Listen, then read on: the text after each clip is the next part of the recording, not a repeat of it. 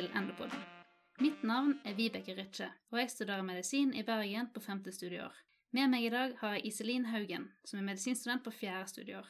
I dag skal vi snakke om noe som er ganske vanlig blant kvinner, nemlig PCOS, eller polycystisk ovariesyndrom. Målet med dagens episode er å forklare hvorfor noen kvinner får PCOS, hva som gjør en utsatt for å utvikle tilstanden, og hvilke symptomer man kan ha. Vi skal også gjennomgå hvordan man kan stille diagnosen PCOS, gå litt inn på de ulike differensialdiagnosene, samt å snakke litt om hvordan man kan behandle PCOS. Da gir jeg ordet til deg, Iselin. Tusen takk, Vibeke. For å starte det hele vil jeg gjerne begynne med å stille deg et spørsmål. Tenk deg at du sitter i et rom med 100 kvinner. Hvor mange av disse vil du tippe har PCOS? Hmm. Jeg har jo hørt at PCOS er ganske vanlig, så kanskje én? Du er ikke så langt unna, for faktisk er det slik at 10-15 vil ha diagnosen PCOS. Nettopp fordi det er så mange som har denne tilstanden, er det greit å kjenne til den og vite litt om utredning og behandling. Ja, der er jeg enig med deg. Kan du fortelle litt om PCOS? Hva er det egentlig?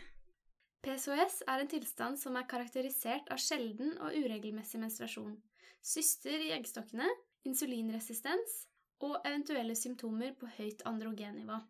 Kvinner som rammes av PCOS, er en svært mangfoldig gruppe, og det er en til dels arvelig tilstand som vanligvis debuterer etter puberteten.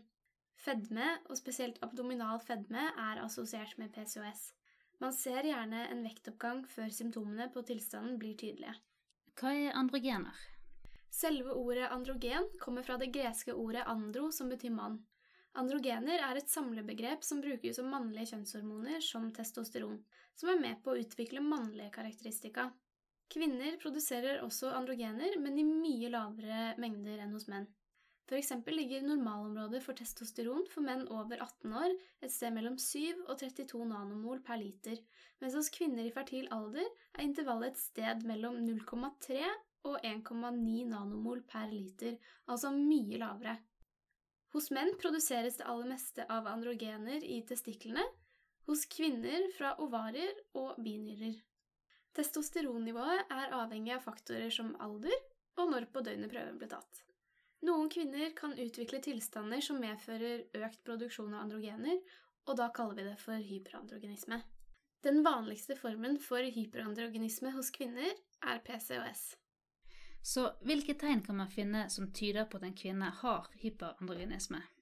Vanlige symptomer ved mild hyperandrogenisme er akne, forstyrrelser i menstruasjonssyklusen og hirsutisme. De høye androgennivåene stimulerer til økt tallproduksjon, som forklarer hvorfor noen får kviser. Menstruasjonsforstyrrelser er veldig vanlig å ha, og kan gå ut på at man har sjeldnere mens enn én en gang i måneden, altså syklusen blir lengre.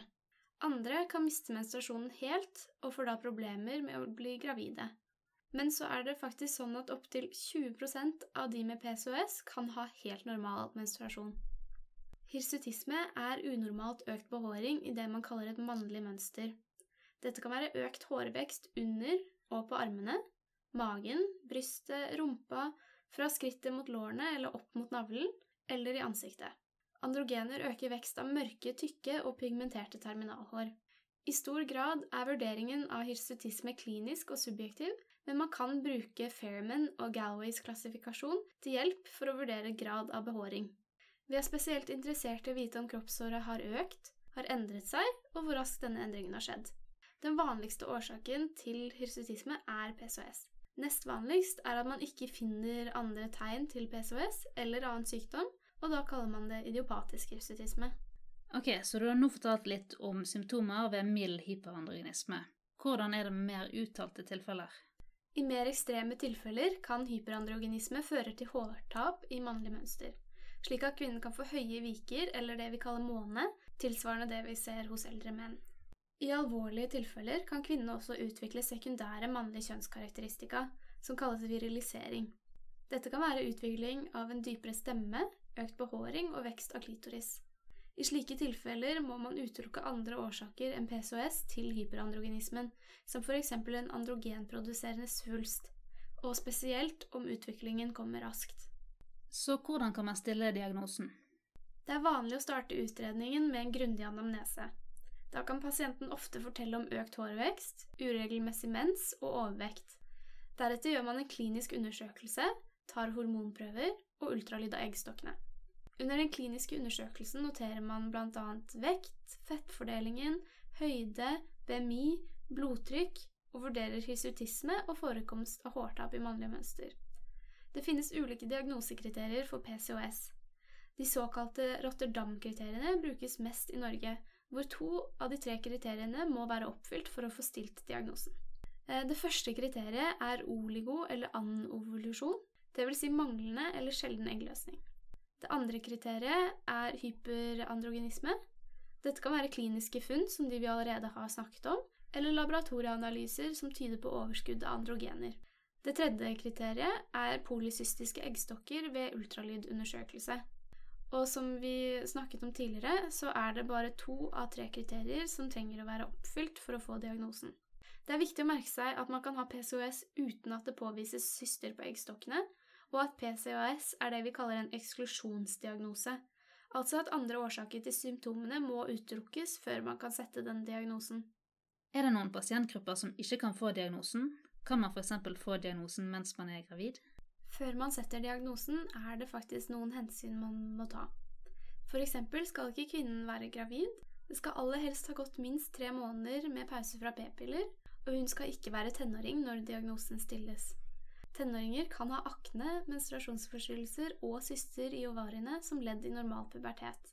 Derfor skal diagnosen helst ikke stilles før det har gått mindre enn åtte år siden første menstruasjon, eller hvis hun er yngre enn 19 år. Man skal ta blodprøver dag 1 til 5 i menstruasjonssyklusen, eller når som helst dersom kvinnen ikke har menstruasjon. Det virker fornuftig. Og hva med blodprøvene? Hva slags blodprøver er det vi er interessert i å ta? Jo, først og fremst så må vi måle androgener, særlig testosteron, androstendion og SHBG. SHBG og albumin binder det meste av kjønnshormonene, og det er ubundet hormon som er biologisk aktiv. Ved biokjemisk hyperandrogenisme er fri testosteronindeks over 0,3 hos kvinner. Fri testosteronindeks regnes ut ved å dele målt testosteron på SHBG, multiplisert med 10.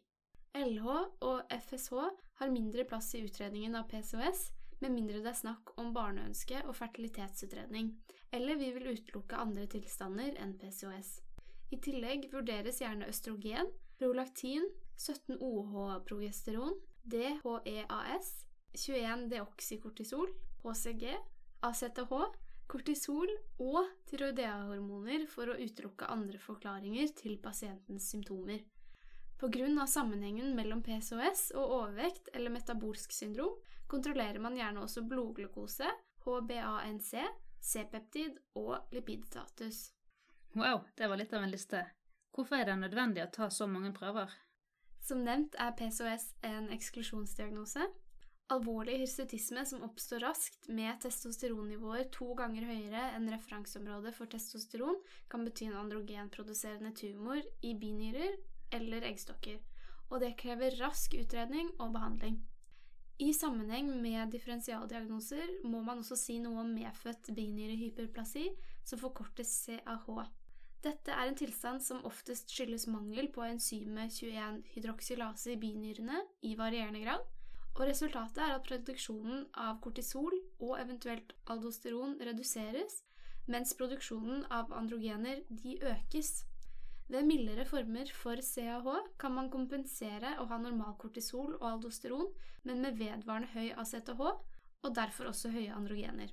Disse kvinnene diagnostiseres ofte i voksen alder og utgjør mellom 1,5 til 6,8% av kvinner med hyperandrogenisme. Denne diagnosen må derfor utelukkes for å stille diagnosen PCOS, og forklare hvorfor vi måler 17 OH-progesteron ved utredning av hyperandrogenisme. Hirsutisme er også vanlig symptom ved Cushing syndrom, der det foreligger høye nivåer av kortisol og androgener. Og dersom du er interessert i å vite mer om Cushing, kan du lytte til vår episode om dette på Endopoden. I tillegg må man nevne at hypotyreose og prolaktinom også kan være årsak til menstruasjonsforstyrrelser, og disse sykdommene bør derfor utelukkes. Til slutt kan man også nevne at misbruk av anabole steroider gir symptomer på hyperandrogenisme, og det er faktisk vanligere enn man tror. Finnes det noen behandling for PCOS, eller er det en tilstand man må leve med? Ved PCOS er første tiltak å behandle overvekt. BMI bør helst ligge under 28. Og i første omgang gjelder det mosjon og sunt kosthold. Og ellers er det de samme rådene som for en vanlig og aktiv livsstil. En vektreduksjon på 5-10% gir faktisk signifikant resultat på eggløsning og øker sjansen for å bli gravid. Kombinasjons-p-piller er et godt behandlingsalternativ for kvinner med PCOS dersom man ikke kommer i mål med vektnedgang og livsstilstiltak.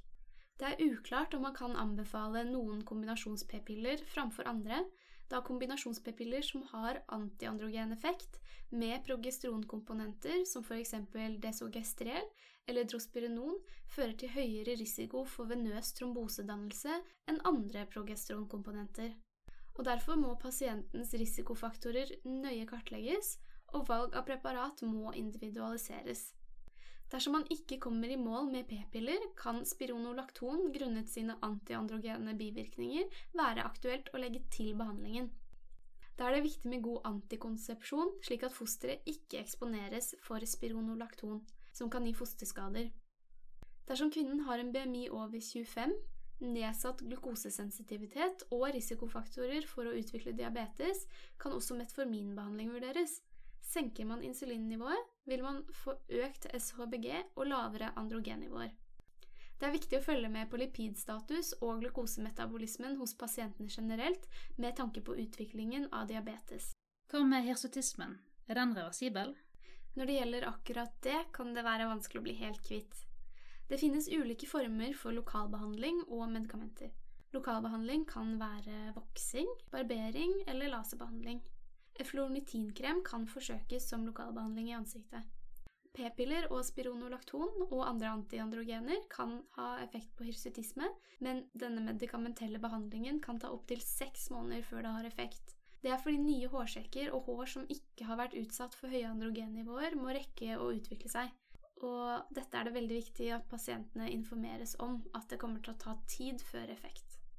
Så det er ikke sant at barbering fører til økt hårvekst? Nei, det er faktisk ikke sant. Hårene blir verken mørkere, tykkere eller flere. Hva skjer med de som ønsker seg barn, da? Eh, fremdeles så er det sånn at vektreduksjon og holde en BMI under 28 er viktig behandlingsmål ved barneønske. Vekttap og fysisk aktivitet hjelper til med å få mer regelmessig eggløsning tilbake og øker sjansen for å bli gravid. Dersom man ikke blir gravid etter disse tiltakene, kan det være aktuelt med medikamentell stimulering av eggløsning eller IVF. Metformins rolle ved barneønske er mer uavklart. Heldigvis er det gode muligheter for å bli gravid med riktig behandling. Så i et mer langsiktig perspektiv, er det noe spesielt vi må tenke på med PCOS-pasienter? Det er et veldig viktig spørsmål som du stiller akkurat nå. Som vi har snakket om, så er risikoen for diabetes type 2 økt for disse pasientene. Eh, derfor er det viktig å få de inn til kontroller av blodsukkerstatus jevnlig, inntil én gang i året. I tillegg er denne pasientgruppen mer utsatt for å utvikle hjerte- og karsykdom, så det er viktig å kontrollere blodtrykk og lipidstatus sammen med glukosetoleransen. Det er også observert en overhyppighet av obstruktiv søvnapnésyndrom hos denne pasientgruppen, og må behandles etter behov. Angst og depresjon forekommer også hyppigere blant kvinner med PCOS, og kan være viktig å ha i bakhodet når man behandler en pasient med denne diagnosen. En annen viktig ting å huske på, som man ikke må glemme, er at forekomsten av endometriekreft er to til seks ganger høyere hos kvinner med PCOS. Derfor bør terskelen være lav for å utrede ved mistanke om underlivskreft. Ok, for å oppsummere kan vi si at PCOS er vanlig blant fertile kvinner. Disse plages med hirsutisme, menstruasjonsforstyrrelser, overvekt og noen ganger andre effekter av hyperandrogenisme, som eksempel akne. Dersom livsstilstiltak og vektreduksjon ikke er nok for å gi god effekt, kan man legge til kombinasjons-p-pille. Dersom kvinnen ønsker barn, er vektreduksjon, trening og eventuelt medikamentell behandling aktuelt for å øke sjansen for å bli gravid. Slik behandling foregår vanligvis hos en gynekolog. Høres det ut som en eh, grei oppsummering? Ja, det syns jeg var en veldig fin oppsummering, Vibeke. Tusen takk. Jo, tusen takk til deg, og tusen takk for at du som hørte på Endepoden. Lik oss gjerne på Facebook på Endepoden. Vi høres.